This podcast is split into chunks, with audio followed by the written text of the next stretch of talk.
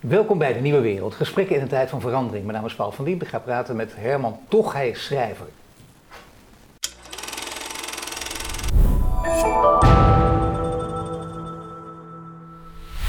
Herman, welkom. Goedemorgen.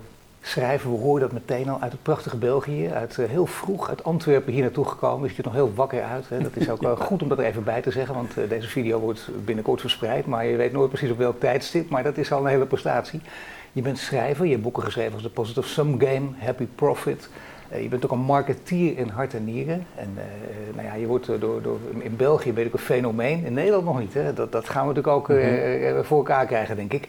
Maar als mensen dit horen, de eerste instantie, de eerste impuls, gaan mensen toch vaak op af. Die denken, oh, positieve titels, marketeer. Hij komt uit België, heeft een prachtige hippe bril op. Nou, dan weet ik al hoe laat het is. Hè? Mensen gaan toch van hun voordelen uit. Ja. Kun je iets over jezelf zeggen, over je achtergrond? Misschien ook wel om deze voordelen, of voordelen in twee zinnen meteen weg te nemen. Ja, om te vermijden dat mensen nu al afhaken of zo. Bijvoorbeeld. Dat mensen nu dat kan me niet voorstellen. Nou, ik, ben, uh, ik ben Herman, ik ben 54 jaar. Ik kom uit Gent. Ik ben uh, economist van opleiding, bedrijfseconoom. Ik heb dan op de Vledingsschool, dus een managementschool marketing gedaan. Ik ja. ben assistent professor geweest gedurende twee jaar. En dan ben ik het bedrijfsleven ingestapt. Heb ik heel lang voor Douwe Egberts gewerkt in België, Tsjechië en Nederland was ik VP Global Marketing. En dan kwam een moment dat uh, met mijn Human Resources zei van... We twijfelen om jou general manager te maken omdat jij te veel lacht. hey, dat is echt, echt waar. Ja, ik lachte te veel. En ik, en ik vroeg, wat bedoel je? En men zei toen van, ja maar als je fabriek moet aansturen, moet je tough zijn. Het is echt gebeurd dit verhaal. Dat is een fantastische man ook trouwens, uh, die, dat, die mij dat vertelde, daar gaat het niet om. En ik heb mijn ontslag ingediend. Nou, wacht even, dat is even een mooi verhaal om iets langer bij stil te ja. staan. Uh, je moet, uh, wat bedoelde hij daarmee? Want je kunt ook lachen en tough zijn tegelijk. Ja, dat toen niet. Toen dus niet. in de beleving toen bij Douwe Egberts niet. Dat is echt waar. Dus ik was VP, ik zat in Utrecht en ik deed dat even en ik was 2,33. En, en ik had een evaluatiegesprek. En het, het ging over, wordt Herman ergens general manager? En die man van Human Resources Global zei, we twijfelen aan jou. En, en uiteraard was mijn ego helemaal in een druk. En ik ja. vroeg, hoe bedoel je? Ja. En die zei, jij lacht altijd. En als je general manager wordt, en we hebben meestal een fabriek ergens, dan moet je hard zijn, moet je tough zijn.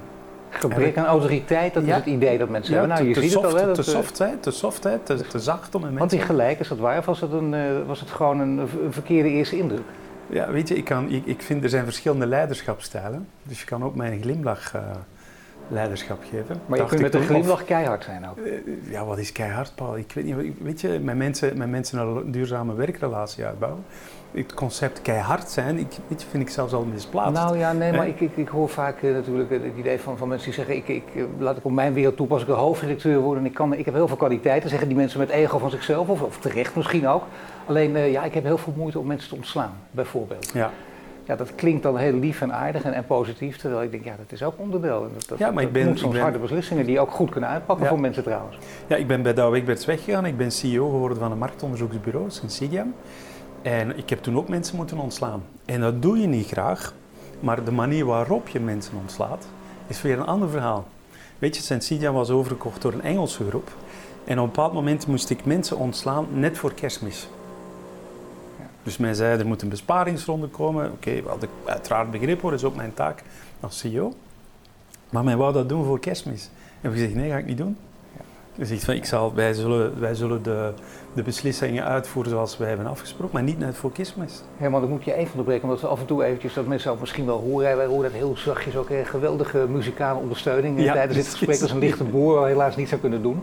Dus ergens in de verte, we weten niet precies waar, maar wij gaan gewoon onverdroten verder. Hè, want dit vinden wij toch een, dat houdt op een gegeven moment ook nee, weer op. Vind, vind maar dit is wel dit gesprek, dat is wat je tot nu toe vertelt. Hè. Dan denk ik, we hebben deze achtergrond van jou, dan heb je wat dingen meegemaakt, ook wat teleurstellingen. Er wordt ook, uh, je wordt ook als spiegel voorgehouden. Mm -hmm. um, op een gegeven moment kom jij ergens. Je gaat niet zomaar die boeken schrijven. Je gaat je echt met, uh, je gaat met de grote mensenwereld bemoeien. Dat wil zeggen, uh, ideologie ontwikkelen, een, een ideaal. bepaalde manieren, denkwijze ontwikkelen om de wereld te veranderen. Want zo is het gegaan. Daar zijn uiteindelijk een paar boeken uit voortgekomen. Je, je probeert je misschien wel met denktanks ook af en toe aan te sluiten. Je probeert een, een laten we zeggen, een, grote voetafdruk in België voorlopig geval neer te zetten. Kun je ongeveer zeggen hoe, we weten nu uit vandaan komt, maar waar die visie die je nu hebt, waar die, waar die uit bestaat? Ja, ik denk dat ik al gans mijn leven op zoek ben naar een wereld waarin ik me thuis voel. Het, is eigenlijk een zeer intrinsieke vanuit mezelf motivatie. En dan ga je economie studeren. En dan ga je enkel, ga je enkel studeren hoe dat je aan winstmaximalisatie moet doen. Dus je wordt gedwongen in een systeem en je dacht, nou, er zijn toch andere dingen dat je kunt doen. Jullie dwingen mij een vorm van ondernemen op want dat wordt mij meegegeven. Ik moet dat studeren om te slagen aan de universiteit. Ik ga naar een managementschool, ik word assistent professor. En men, men dwingt me in een bepaalde manier van denken. Je gaat bij Douwe Egberts, je wordt marketingdirecteur. Ga je per kwartaal ga je, ga je plannen maken. Word je gedwongen in een bepaald systeem. En ik had altijd zoiets, maar het kan toch ook anders? Je kan toch ook winst maken en op een andere manier naar winst kijken.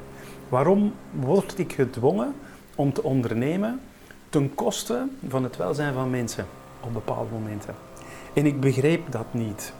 En dus ik ben eigenlijk al gans mijn leven op zoek naar een wereld, een vorm van ondernemen, een vorm van organiseren, waar ik denk van, nou, daar, daar ben ik trots op. Heb je ook tijdens je, je werkzame loopbaan tot dat moment ook, ook als een dwarsligger opgesteld, of niet? Nee, dat, nee. Ik, ben, ik ben een harmoniezoeker. Dus ik, uh, dus nee, het antwoord is nee. nee. Maar in je hoofd natuurlijk wel. Dan, dan, daar gaat er wat, daar gaat er wat broeien, continu. continu. En dan, dan zie je het ook, dat is mooi. Je ziet van binnenuit wat daar gebeurt. Want, want wat je nu zegt, dat begrijp ik, dat zijn de algemene termen. Maar kun je wat voorbeelden geven wat daar, wat daar gebeurt, zodat je denkt, ik voel me hier niet bij thuis. Dit, dit moet en kan anders. Weet je, bepaald. Dus ik, ik was CEO van, van Sensidia, marktonderzoek. Wij deden wereldwijd marktonderzoek. En ik had twee klanten, Heineken en Philips, waar ik zelf nog op werkte. Dus ik ging vaak mee naar marktonderzoek, kwalitatief marktonderzoek. Dan ga je achter een spiegel zitten en naar mensen luisteren. En dan gaan mensen zeggen, ah, als een marketeer iets zegt, dat geloof je toch niet? Die wil gewoon iets verkopen. En ik, ik, ik ben graag marketeer en ik ben trots, of ik wil trots zijn op mijn vak. En dan zit ik achter die spiegel en zeg, dat gaat wel over mij. Die mensen zeggen, ja. wat een lul ben jij man met jouw beroep. Ja. Want jij tracht mij iets te verkopen wat ik helemaal niet nodig heb. Nee, en ik dacht, hè? weet je wel? En dan komt er een moment, ik vermoed dat dat cliché of voor veel mensen herkent, dan heb je kleine kinderen. En dan zit je, zit je aan de ontbijttafel en dat eh, letterlijk gebeurt. En dan ga je zeggen van schatjes, niet te veel van die hè, uh, chocoladepasta. Het is vol met suiker. Hè? Vervolgens rij je naar kantoor en ga je strategie bedenken voor diezelfde chocoladepasta. Dan denk je toch van, wat ben ik hier in godsnaam aan het doen? Ja. En mijn zoektocht, hè, zo 2010, 2011, was mijn zoektocht naar een marketing waar ik trots kon op zijn. Naar een wereld van ondernemen waar ik van zei van, goh, dat, dat, dat doe ik graag. Ik onderneem graag, ik ben graag marketeer. Ik vind dat fijn om met mensen aan de slag te gaan, om mensen te begrijpen. Maar je had toch in je achterhoofd een marketeer die geloof je niet, want die wil alleen maar eh, mensen iets aansmeren. Hè? Ik bedoel, dat, dat, dat clichébeeld aan die andere kant. Maar kun je dat even wegnemen? Want ik bedoel, er zijn natuurlijk heel veel marketeers die, ondanks de prachtige verhalen, waar ze natuurlijk ook heel goed in zijn, wel degelijk op die manier werken. Ja, tuurlijk. Maar die worden ook vaak gedwongen in een werkcontext, in een organisatie, die jou dat niet toelaat. dat is ook het, het spanningsveld. Ehm, je kan tegen een bepaalde multinational zijn hè, en zeggen van waar die multinational voor staat en de beslissingen of het lobbywerk dat die multinational doet. Daar sta ik totaal niet achter, maar dat betekent toch niet dat die mensen die daar werken foute mensen zijn, weet je wel? Dus je, je, je ontmoet mensen, je werkt met mensen, je denkt, dat zijn wel fijne mensen, maar die werken wel voor een bepaalde multinational. Dus daarom als ik vandaag gastcolleges geef op een universiteit, dan ga heb ik eigenlijk één boodschap aan die jonge mensen, is denk na aan wie dat je je talent geeft. Jullie zijn allemaal toptalent, je zit in een managementopleiding, MBA, whatever. Aan wie geef je jouw talent? Ja. Kunnen we daar, ik, zou, ik zou dat heel fijn vinden dat dat een bewustere keuze is. En als iemand dan zegt, ik geef mijn talent aan een multinational, prima toch, dat is die persoon die dat kiest. Maar een bewuster gaan kiezen aan wie geef je jouw talent, voor wie ga je werken, omdat in die wereld van verandering, hè, want we zitten bij de nieuwe wereld, in dat schuren van die systemen vandaag, ja, gaan we wel zelf moeten bepalen welk systeem gaan we voeden. Maar die boodschap geef je mee aan studenten. Dan gaat er toch even een generatie overheen voor er echt iets gaat veranderen. Je hebt mensen die, dat, dat, die hebben voortdurend hier aan tafel. Daar, daar zijn talloze boeken over geschreven natuurlijk. Daar gaat de discussie ook over. Wij zitten nu op een bepaald moment. Timing is ook alles. Hè. Uh, er kan een grote systeemverandering komen. En anderen zeggen nee, die moeten juist niet komen. Of er komt een systeemverandering, maar daar wordt eigenlijk wat anders mee bedoeld. Want daar hebben die mensen die dat willen, hebben daar ook belangen bij. Een onontwarbare kluwe. En jij hebt daar lang over nagedacht. Hè. Je, hebt, ook gezegd, je bent overal tegen aangelopen. Uiteindelijk op een bepaald idee uitgekomen. Jij weet ook dat timing alles is. Wat is op dit moment de stand van zaken voor jou? Van hoe staat de wereld ervoor en waar kunnen we de wereld zo veranderen dat jij erin thuis voelt? Ja, eh, waar staan we, waar, waar staan we vandaag? Hè? Want ik maak een onderscheid tussen, het is even Engelstalig of deeltelijk Engelstalig, tussen keep the system, systeeminnovatie en verandering van systeem.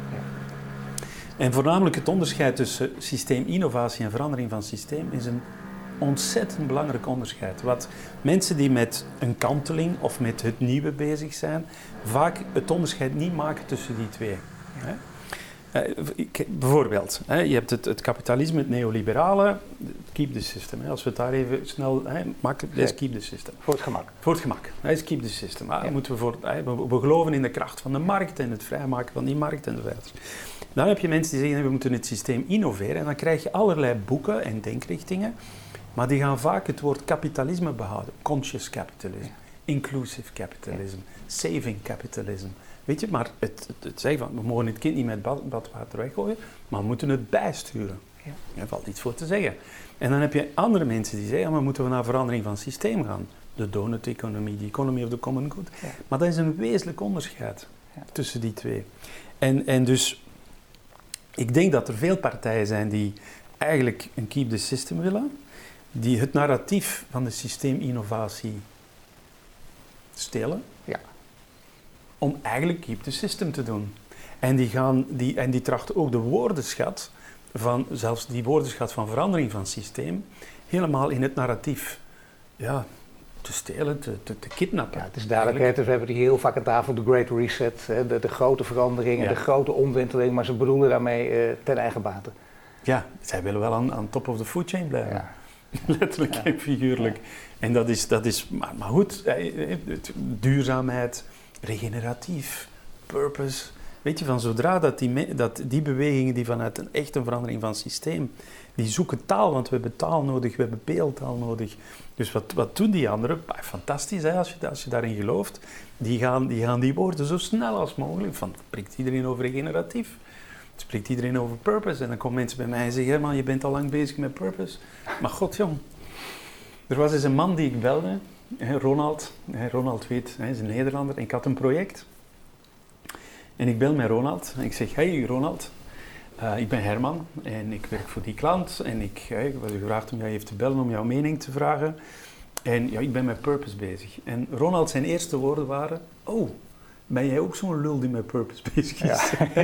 dus als Vlaming, als een Nederlander dit zegt, dan denk je van, jezus. Ja, ja gewoon weer een directe Nederlander. Precies, hè, maar, hè, hoe bedoel je? Hè, Ronald, wat bedoel je? Hè? En, en, en de is ondertussen een vriend geworden. Ik vind een fantastische man. Maar het gaat over, over dat onderscheid maken, dat inzichtelijk maken, taal geven, beeld geven.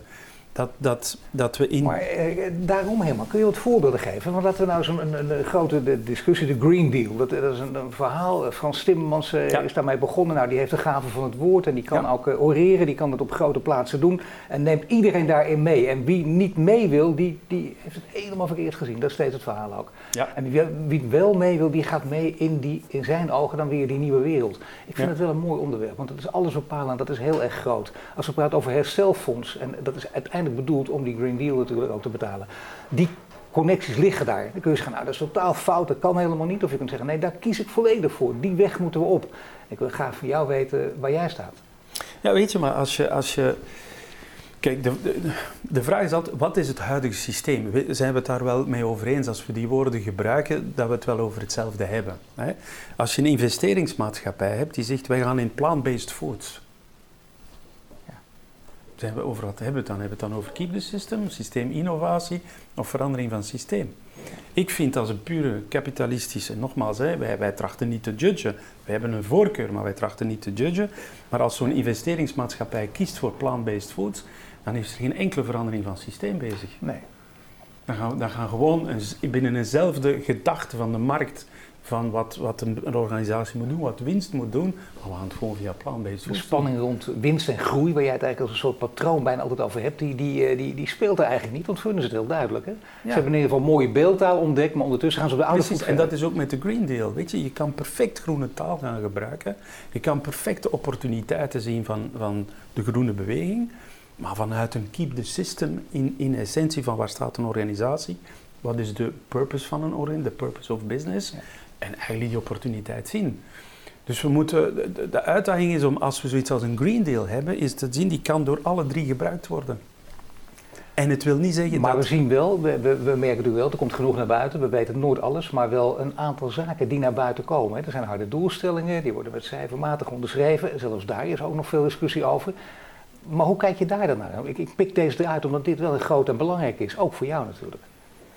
Ja, weet je, wij, kijk, wij gaan, wij, wij spreken, of ik, wij, hè, ja. mijn vrouw, hè, maar um, wij spreken over de transition 20s. Nee, toch even duidelijk wij, dat weten we allemaal nog niet in Nederland, dus ja. Belgen weten. Ja, Anne An Maas is mijn vrouw en wij Zeker. werken samen, ja. wij schrijven ja, samen. schrijven boeken. Ja, ja. en dus wij spreken over de transition 20s. Hè, dus we zijn marketeers, dat blijft roaring 20s, transition 20s.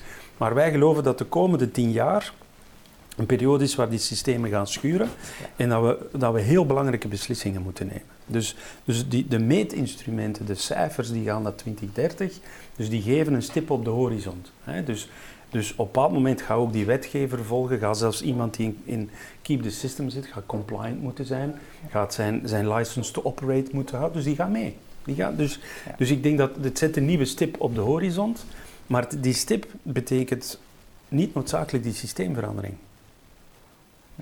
Want, want je, kan, kan perfect puur uh, shareholder value gedreven zijn en die SDG's gaan gebruiken. Integendeel, het is zelfs verstandig om te doen, want er ontstaat een totaal nieuwe business-opportuniteit voor shareholder value als je dat doet. Nee, dat is hoe dan ook. Dat verhaal, dat is dat de, de, de grote groep is er daarvan overtuigd, of heeft de ander weten te overtuigen, daar kun je keihard tegen in blijven gaan. Je zegt, die kleine groep die nog heel, daar heel kritisch op is, die legt het sowieso af. Ja, weet je... Het is net als de, strand, de stranded assets natuurlijk, dat Precies. verhaal een beetje als het gaat over Shell. Ook al zou je gelijk hebben, dan nog heeft het geen zin, want die kant gaat het hoe dan ook op. Gaat hoe dan ook op. Alle vermogensbeheerders weten dat ook. Die hebben geen mening, maar die zeggen, kijk, ik zou het zo doen, want het gaat hoe dan ook die kant maar puur als je het eigen belang kijkt, dan voel je van dit, ja. is, dit is niet dat tegen is te houden. Ik bedoel, nee. Dus het zou stom zijn. Weet je, ik werk wel eens voor, voor, voor een, een, uh, een uh, zuivelcoöperatie in België. Ik ontmoet geen boeren meer die zeggen, ah, duurzaamheid is flauwekul. Ik, ik, ontmoet die niet meer. De meeste van die boeren, die begrijpen ook, die hebben gezond boerenverstand, die begrijpen van we moeten om. Dus ik kom niemand tegen die, die nog zegt van ah, ik moet niet verduurzamen. Nou, er zijn flink wat protesten. Heb je natuurlijk ook meegekregen. In Nederland ja. met name ook. Hè? Dat, ja. dat gaat echt stevig tegenin. Maar dat gaat voornamelijk over het hoe van de transitie. Ja. En over het feit dat die mensen terecht in de... Allez, terecht dan die op straat komen, die zijn in de steek gelaten. Letterlijk aan hun lot worden overgelaten. Ja, je moet mee naar de transitie en wat je verder gaat doen, zoek het maar uit. Dat Precies, verhaal. maar eerst heeft men, een, heeft men ze in een systeem een, een soort lock-in gebracht. Die mensen moeten afbetalen, die mensen hebben leningen lopen, die mensen moeten allerlei dingen doen. En dan zeggen wij, nou, nu moet je lekker om. Nee, maar ja, prima, wie gaat dat betalen? Ja, liefst zo snel mogelijk. En ja. dan ga je weer die prachtige taal gebruiken van de, energie, de, de, de transitie versnellen, ook op dit gebied. Ja. En dan breng je mensen echt in grote problemen. Ja, want die zeggen tegen mij, die zeggen, je, je kan niet groenen als je in het rood staat. Ik vind dat een mooie zin. Nee, ja. En die hebben gelijk. Die mensen, ik heb, ik heb mensen, boeren met zulke handen, die zitten wenen in een meetingroom. Die zeggen, ik, ik begrijp jou wel, maar hoe? Hoe, kom eens bij mij thuis, wij zitten te rekenen elke maand. Ja. Wij, zijn geen, allez, wij begrijpen, wij zien ons dieren graag. We zijn, uiteraard, je hebt verschillende, hè, en, maar de, de, de grote vaste groep in mijn beleving, van die mensen die begrijpen dat. Maar we helpen ze niet. Maar dit zie je natuurlijk op, op alle fronten, hè, deze grote strijd. Ook uh, de mensen die roepen, we moeten van het gas af. Heb je in Nederland het klimaatakkoord, hè, daar staat dan in, we moeten de mensen verleiden. Maar nee hoor, daar komt bijvoorbeeld uh, Maarten van Poelgeest. Uh, een paar dagen voordat wij praten, uh, laten we zeggen, een invloedrijke consultant, vroeger uh, GroenLinks, en die roept dan, nee, we gaan ze nu dwingen, want gemeenten die kunnen bepaalde wijken aanwijzen en daar moet je er vanaf. Daar maak je mensen helemaal gek mee. Ook onder het mom van, dit is de transitie, die moet snel gebeuren en mond dicht houden, we gaan het doen. En daar breng je ook mensen, worden daar nerveus van. Weet je, als wij in organisaties en bedrijven komen vandaag, dan is de belangrijkste vraag, hoe krijgen we mensen mee? He? Dus de meeste, de meeste leidinggevenden die slagen er wel in om een bepaalde visie te ontwikkelen. En dan gaan die naar hun mensen en zeggen kom. He? En dan zitten die mensen meestal in een town hall meeting setup. Ja. Dus die mensen te kijken, nou, dit is de vijfde over de laatste zes jaar. Oh, nu gaan we dit doen. He? En dan weten we, we weten uit cijfers dat ongeveer in een gemiddelde organisatie, de overheid, de burgerbevolking niet, maar in een gemiddelde organisatie is ongeveer 70% van de mensen disengaged. Die, die, die, komen gewoon hun werk doen. Hè. Ongeveer 15% die is engaged en wil echt positief verschil maken. En ongeveer een andere 15%, eh, grosso modo, is actively disengaged. Dan heb je 70% van de mensen die eigenlijk zeggen, het zal wel jong. Het zal wel dat mij als leidinggevende. Maar je wilt in die transitie gaan, want je, je, je hebt als management, als leidinggevende, wil in die transitie gaan. En daarom dat wij, dus een term die, die vaak gebruikt wordt, transformationeel leiderschap, is een andere vorm van leiderschap. Dus bijvoorbeeld, ik heb, ik, prima, we zijn ooit begonnen dit gesprek over lachen, kwetsbaar leiderschap. Maar ik denk dat veel, het soort leiderschap dat we nodig gaan hebben, gaat veel meer over transformationeel leiderschap. Slaag je erin, als, als leider vanuit een gedeeld leiderschap vaak, om samen die transitie te maken, om beweging te creëren, om mensen mee te nemen op een verhaal. En dat soort leiderschap hebben we nodig. En transformationeel leiderschap is niet zeggen, kom, mee, ga je doen. Nou ja, maar dat is ook een term van jou, een hele mooie ook. Dat, is, uh, dat, dat, zie je vaak in de raden van bestuur, hè? De, de, illusie van controle. Degene die daar het beste in is, hè? om de illusie van controle uit te dragen, dat is de echte leider en die bepaalt het. Wat reuze gevaarlijk is. Ja, dat is ook zo, maar mensen hebben ook een bullshit factor natuurlijk. Hè? Weet je, dan hebben ze de op vijf, in een, vaak in een organisatie, op vier, vijf, zes jaar tijd, hebben ze de vijfde persoon die daar staat en zegt, ik weet het. Dan zeggen mensen, ja, dat zal wel zijn. Doeg. Wanneer, maar wanneer mag ik naar huis? Nee, maar hij zegt zo. Dus, En dan hebben we nu nog eens met thuiswerken, met hybride werken. Dus dan moet je nog de next level nemen. Om, want je ziet misschien mensen nog twee dagen in de week. Strakjes moeten we de mensen mee. En ik denk voor een overheid is dat niet anders. dus het, het, is de kunst van ook, we doen veel projecten ook rond het, het mede-eigenaarschap nemen van een verandering. dat we zeggen van kijk, wij geloven heel hard als wij met organisaties werken, je hebt een bepaalde visie nodig. Je hebt een bepaalde stip op de horizon nodig, maar dat is niet tot in detail bepaald. Dus wij maken een onderscheid tussen, we komen van een wereld van storytelling, dat gaan we doen.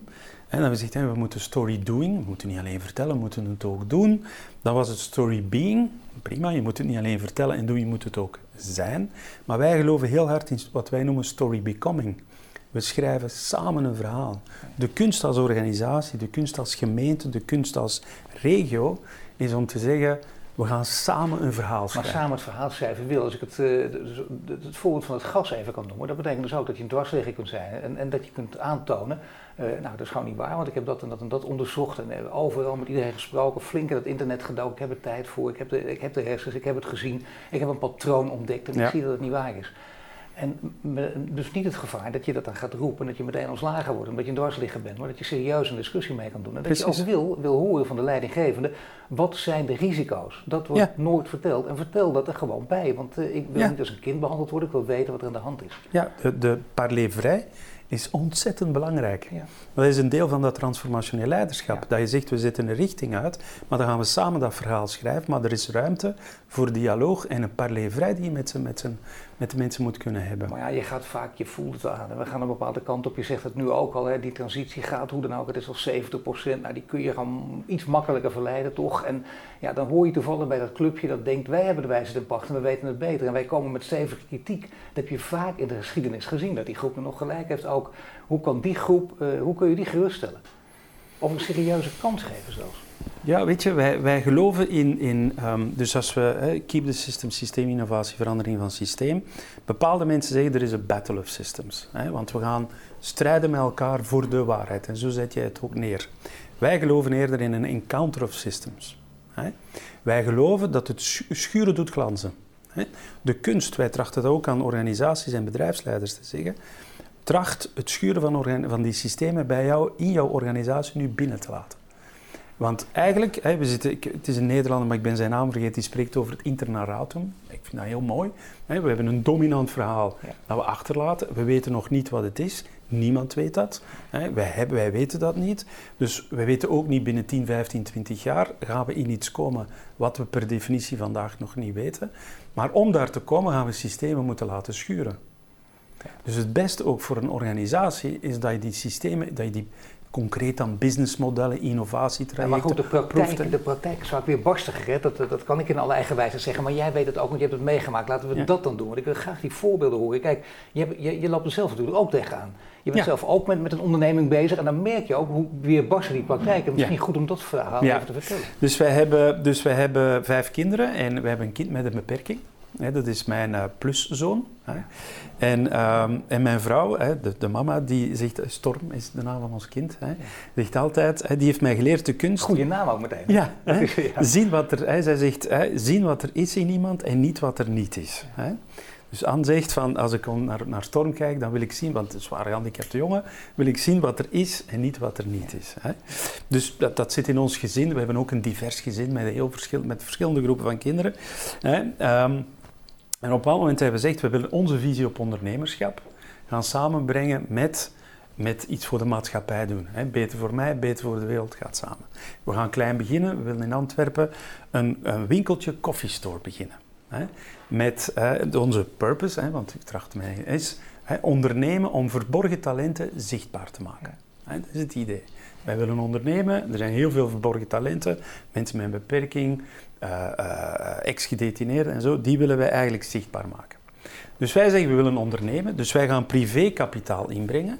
Wij, Anne en ik, nemen het ondernemersrisico. Dat gaan we doen. Maar wij willen mensen met een beperking inzetten in een BV, hè, in een for-profit. Want bewust zijn wij geen stichting of geen VZW of geen. We zijn bewust een BV. Dus uh, in de, de wet zegt, als je een BV bent, dan moet je naar winst streven. Moet je doen. En wij zeggen, wij willen voornamelijk break-even zijn. En als er iets over is, willen we dat eigenlijk hè, voor die mensen, voor onze verborgen talenten. Ja. En dan zegt de wetgever, dat dat kan niet. Dus je, je bent of een for-profit organisatie, ja. En dan, mag je, dan moet je naar financiële winst, hè, want je kan winst op. Dan moet je naar financiële winst. Of je zet je in voor de maatschappij. En dan ben je of een stichting, wat wij in België een VZW noemen. Of je bent een coöperatie met erkenning sociaal ondernemerschap.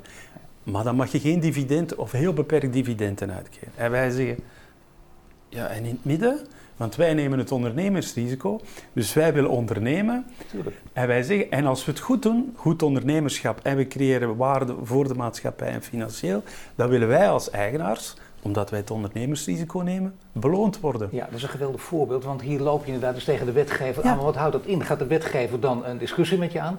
Of is de wetgever dan inderdaad het, het grote onzichtbare instituut waar niet tegen aan te ja, boksen ja, Kijk, het is heel interessant. Dus op een bepaald moment, hè, dus mensen met een beperking, hè, dat noemt begeleid werken bijvoorbeeld. Hè, die mensen betalen dan ergens om te gaan werken.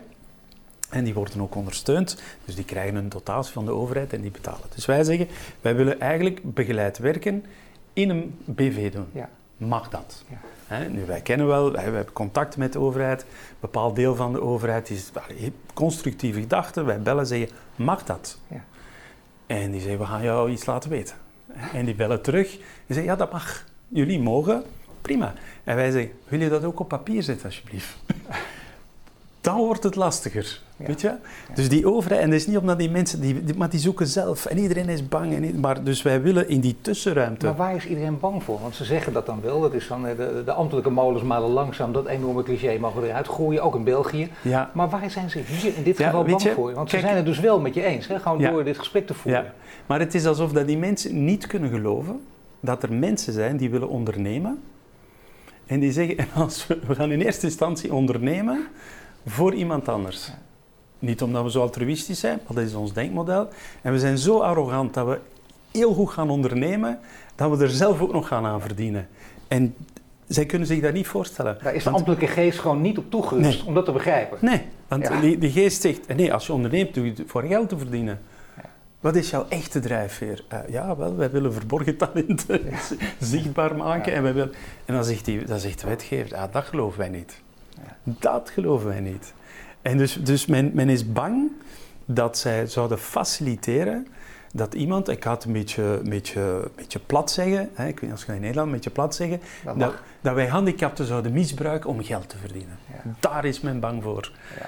Dus wij zitten nu... We zijn dus weer bang voor de krantenkoppen en uh, dat die daarmee openen, zie je wel. En dat is, dat, dat is echt... Ja, maar dit, dit soort angst is over verlammend werken gesproken. Dit verlamt alles natuurlijk, hè, deze manier van denken. Ja. staat nergens altijd voor. Nee, maar, maar vaak, hè, de, de, de, de ondernemers volgen de wet, maar op een bepaald moment moet de wetgever de realiteit beginnen volgen. Dus er gebeurt zoveel in de realiteit vandaag dat die wetgever verplicht zal worden om zich aan te passen. daarom dat er, worden wel rulings, en je kan rulings trachten af te spreken, je kan met de overheid trachten proeftuinen op te zetten en dat tracht je regoluwe omgevingen trachten te creëren om dit soort situaties mogelijk te maken. Maar, ook daar ook, zijn... en, en, en de wet veranderen natuurlijk. Hè. Daar heb je de politiek voor en dan flinke druk uitoefenen. Merk je daar beweging? Want over polarisatie gesproken, we moeten ook even over hebben. Jij komt uit België, oh, het veel moeilijker, veel makkelijker. Kun je, daar kun je ook veel makkelijker Machiavelli spelen met al die verschillende partijen en talen. Ja. Dat merken we door de jaren heen. Dat, dat gaat nog veel makkelijker dan in Nederland. Hoe Ja. werkt het daar op die manier uit? Laat zo zeggen dat ik met mijn onderneming niet wil wachten op een wetsverandering. Want dan, dat gaan we Nee. niet doen. Nee. Want dan, dan denk ik, dan, gaat, dan, dan ga ik oud zijn, denk Nee, ik. Maar, je eh, al, hè? dat is het ja. verschrikkelijke. Ja, dan ben je echt letterlijk tien jaar verder, terwijl dat soms heel Ja. erg snel kan, hè? als je Ja. maar de goede wegen kunt. Ja, maar wat wij bijvoorbeeld gaan doen, is wij gaan... eh, Kijk, uiteraard gaan wij juridisch compliant zijn. Dus en wij gaan werken met een, een, dus het juridische kader, uiteraard. En met een governance of ethisch charter. Hè. En wij gaan zeggen, want er is een grijze zone. En die grijze zone is... Je, kan naar een grijze zone kijken als een ruimte waar je misbruik kunt van maken. Je kan ook naar een grijze zone kijken als een ruimte waar de wetgever hè, nog werk heeft om dat uit, hè, dat uit die onzekerheid te halen. En wij gaan zeggen, we gaan dat oplossen door een ju- juridisch en een ethisch charter hand in hand te laten gaan. En we gaan een heel strak ethisch charter maken. We hebben ook beslist om niet met een controlegroep van mensen te werken die ons gaan controleren van doen jullie het wel juist. Maar wij gaan net de publieke transparantie opzoeken en wij gaan met ons klein winkeltje zeggen, elk jaar gaan wij al onze boeken en al onze cijfers publiceren en dan kan je discussiëren. Dus wij, gaan, wij willen juridisch compliant zijn. Er zullen mensen zijn die zeggen, jullie zijn niet ethisch. Dan gaan we zeggen, we hebben gewoon een ander ethisch kader. Maar die discussie gaan wij wel aan. Nee, ik inderdaad, de discussie is geweldig juist. De discussie moet daar ook over gaan. Dan gaat het namelijk over waarden. En dan heb je, jij vertegenwoordigt deze waarde, jij Ja. die, daar heb je discussie over. Dan Precies. komen we ergens of niet, of dan gaat het botsen. Daar kan iets uitkomen. Maar hier kan dus straks een ambtenaar staan en die denkt, wacht even, hij is onze slim af, we begrijpen het niet meer. En eh, onze positie wordt ondergraven. Ja. Dat, dat kan ook allemaal gebeuren. Dat Dit zal gebeuren. Dat En- zal gebeuren. dat zal gebeuren. En, dan wat, en de volgende stap is, nou, je hebt hier eh, allerlei affaires ook gevolgd. Als ambtenaren willen ambtelijke apparaten groot zijn, dan kunnen ze je kapot gaan maken en vermalen. Er zijn ook geweldige boeken over geschreven. Ja. Maar het risico neem je wel bewust. Dat, Ja. kun je doen, dat kun je doen als je jezelf groter maakt. Door bijvoorbeeld dit als blauwdruk neer te zetten Mhm. voor anderen. Ja. Of, of hier een beweging van te maken. Ben je daar ook drukdoelen mee? Ja, weet je, daarom schrijven we ons boek, hè, de Positive Sum Game. Dus wat wij nu doen met onze eigen organisatie, is ons boek van twee jaar terug in de praktijk trachten te brengen. Weet je wel? Dus wij hebben, wij hebben dit geschreven, we hebben gedachtegoed vanuit onze consultancy, vanuit het advies geven aan bedrijven en organisaties. En toen dachten we, we moeten het ook echt wel zelf eens gaan doen. Ja, zeker. Nee, maar dat is natuurlijk. Dan, eh, dan gaan we het nog meer in ons, in, onze, Ja. in ons vel en in ons lijf voelen wat het Maar zijn, betekent. zijn er hè. meer voorbeelden? Want ik bedoel, voor mensen die op deze manier dus eh, ondernemen, de Ja. nieuwe manier van ondernemen, dat niet alleen maar als, als mooie taal en mooie verhalen, maar het ook in de praktijk brengen. Ja. Maar zie jij in België met name meer van dit soort voorbeelden? Ja, ik denk- Misschien wel in Nederland? Ik weet niet als er meer of minder zijn. Dat is, kijk, het, het, dat zijn wij vaak aan klanten. Die mensen die intrinsiek daar ook al lang mee bezig zijn, dat zijn vaak geen schreeuwers. Dus de meest purpose-gedreven organisatie die dit al 15, 20 families, die dat in hun DNA zit. Boeren die zeggen, ja maar eigenlijk circulair boeren, waar heb je het over? Dat doen we al 20 jaar man. Maar dat zijn vaak geen roepers. En, en de, de wereld van de multinationals, die, die, zijn, die weten hoe dat ze moeten roepen. Die hebben het geld van te roepen. Die gebruiken die taal en die gaan in die media zeggen, we zijn met purpose en duurzaamheid en plant-based. En, en die mensen die al 10, 20, 30 jaar intrinsiek met dit bezig zijn, die, die zeggen, ja, en nu? Weet je, ik word, ik word in die publieke ruimte word ik eruit gejouwd door die roepers. En ik ben dat niet gewoon. En dat is toch jammer, hè? want je zou Ja. bijna zeggen, als je langzamerhand eh, als, als een, een niet-roeper bent, maar dus een, een kleintje bent, maar je wordt iets groter, want je presteert ook wat. En er zijn veel kleintjes bij elkaar. En die kunnen ook gaan roepen. En, en onder het, je hoeft niet te schreeuwen, maar gewoon onder het mom van adel verplicht. Kijk Ja. eens wat wij hebben gedaan. Dan willen we die boodschap ook. Met, met de kans dat heel veel mensen ook neer gaan sabelen. Dat hoort erbij hè, als je gaat roepen. Maar dan kun je wel degelijk daar een, een, een- een macht tegenover stellen. Precies, maar dat is een beetje, hè, dus in die transitie, hè, want omdat wij toch ook daar veel mee bezig zijn. Je, kan als organisatie, als mens, als whatever, kan je verschillende rollen in de transitie opnemen. Daar geloven wij heel sterk in. En als je in verandering van een systeem zit, weet je wel, hè, wat dan we het over, niet systeeminnovatie, maar totaal verandering, hè, hebben wij een aantal rollen. Hè. Je, je begint vaak met trailblazers, dat zijn mensen, organisaties die echt iets doen en het, het, het echt letterlijk de trail zoeken. Hè. De tweede rol die wij geïdentificeerd hebben, is wat wij noemen co-entrepreneurs.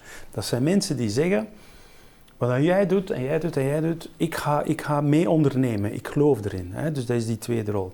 Dan de derde rol hebben wij de acceleratoren genoemd. Dat zijn mensen die zeggen, of organisaties die zeggen, er wordt samen ondernomen, we gaan echt gaan, gaan versnellen. Hè? En dan heb je de institutionalizers of de institutionalizing rol, die gaan met de overheid aan de slag. Hè? En dan vervolgens heb je ook nog de illuminator rol, en dat, is dat zijn degenen die alles zichtbaar maken. Hè? Dus als wij, hè, wij zijn een illuminator met ons consultancy, met ons boeken, en een trailblazer nu met onze eigen, onze eigen organisatie. Maar wij werken in zorg en voeding, en er zijn heel veel in Nederland, in België, heel veel van dit soort initiatieven, trailblazers, co-entrepreneurship, die, die echt aan het zoeken zijn, die met die overheid in gesprek gaan. En natuurlijk ook met, met de multinational in gesprek en je wil een schaalvergroting doen, dan, dan kun je zelfs ook op die manier dat systeem omverwerpen. Of gaat dat te ver? Ja, weet je, kijk... Er zijn multinationals, er zijn multinationals die dat uit eigen belang ooit gedaan hebben. Ja, weet je, Ronald, herinner je jou toen die man, Ronald, die aan mij zei, wat ben jij een lul om mijn purpose ja, geweest te zijn. hè? dus die, die man die, die, die, die challenged mij ook op, uh, op dat wij met multinationals werken. En jij zei, hij zegt altijd tegen mij, Herman, Jij wilt die transitie versnellen en net doordat je met multinationals werkt, vertraag je ze. Want die multinationals, die willen wel veranderen, maar die gebruiken lobbywerk om dat ding te vertragen. Dus als we, we hebben, hè, zijn visie is, we hebben niet de tijd om, zelfs 2030 en zo, we moeten snel gaan, multinationals vertragen. En dat is een discussiepunt dat wij hebben. Wij, Anne en ik, hebben beslist om ook met systeeminnovatie mee te werken omdat wij ervan overtuigd zijn dat voor die bewustzijnsverandering, dat die multinationals, niet allemaal, maar er zijn echt wel multinationals waar wij een lans voor breken, dat wij zeggen, wij, wij gaan toch mee. En welke zijn dat trouwens, multinationals waar je een lans voor breekt? Ja, weet je, een Unilever, ik geloof nog altijd een Paul Polman, ik, ik, ik ga nog altijd ja, mee. Ja, een opvolger die weer net wat anders denkt. Ja, maar laat me even bij, bij Paul Polman, hè, dus als wij op een podium staan, wordt er ook op gechallenged, hè. ik tracht daar, iedere keer als ik iemand van Unilever zag, dan vroeg ik altijd, en, hè, geloof je die man, geloof je die man? Dus, maar ik vind wat Unilever doet met een Sustainable Living Program, met al die... Ik denk dat die heel belangrijk zijn in die bewustzijnsverandering. Ik denk dat, dat wij samen in dat schuren van de komen terug bij de encountering of systems. Ik, wij, dat, is, dat is waar wij voor kiezen. En niet voor, voor de battle of systems, weet je wel? Dus wij gaan, en daarom, daar, in die encountering of systems spelen die multinationals een belangrijke rol. Het aller, allermooiste is dat je het zelf waarmaakt en dat je dat in het klein doet. En dat klein gaat groot worden, maar eh, je gaat daar, je bindt uit de strijd met, ja, met de overheid. Hè. Dat doe je in België door die winkel die je samen Ja, maar ik, ik, maar ik ga jou even onderbreken. Je bindt, ik, eh, ik heb niet het gevoel dat ik de strijd met de overheid aanga. Nee, je doet het niet bewust, maar onbewust zal dit ongetwijfeld gaan gebeuren. Ja, maar ik, heb, ik ga ze vragen om mee te gaan. Ik ga ze een partnership vragen. Ik ga ze vragen van geef ons ruimte om wat wij willen doen in de praktijk te brengen. Nou, laat ik het gewoon omdraaien. Jij biedt niet de strijd aan, jij gaat de samenwerking aan met de overheid. De overheid zal nog eens ook gaan merken. De overheid gaat er versteld voor staan dat dat ook kan. En het is ook wel mooi om dat te blijven volgen. Hè. Dus ik bedoel, kijk, we, praten nu met elkaar. Nou, het is nu de, de, zomer van 2021. Dus ik denk dat over, over een maandje of drie, vier, dan is er wat meer bekend. Dat we gewoon weer een keertje hier kunnen afspreken. Dat lijkt me een geweldige precies, idee eigenlijk. Precies, maar ik vind nog in de overheid, weet je, wel, ik denk er ook veel over na. Er is een, voor mij een onderscheid tussen de politieker die aan de macht is in de administratie. Ja. En binnen de administratie, tenminste die mensen die ik tegenkom, hè, ik zou de namen kunnen opkleven, maar ontmoet ik zeer constructieve geesten in de administratie. Die zitten er ook voor lange termijn, die hebben perspectiefplannen, die willen in die transitie. En ze hebben een heel andere dynamiek dan de politieker. Dus ik ga ik ga niet een politiek die aan de macht is gaan contacteren om te vragen, mag ik? Ik werk met de administratie. Ja.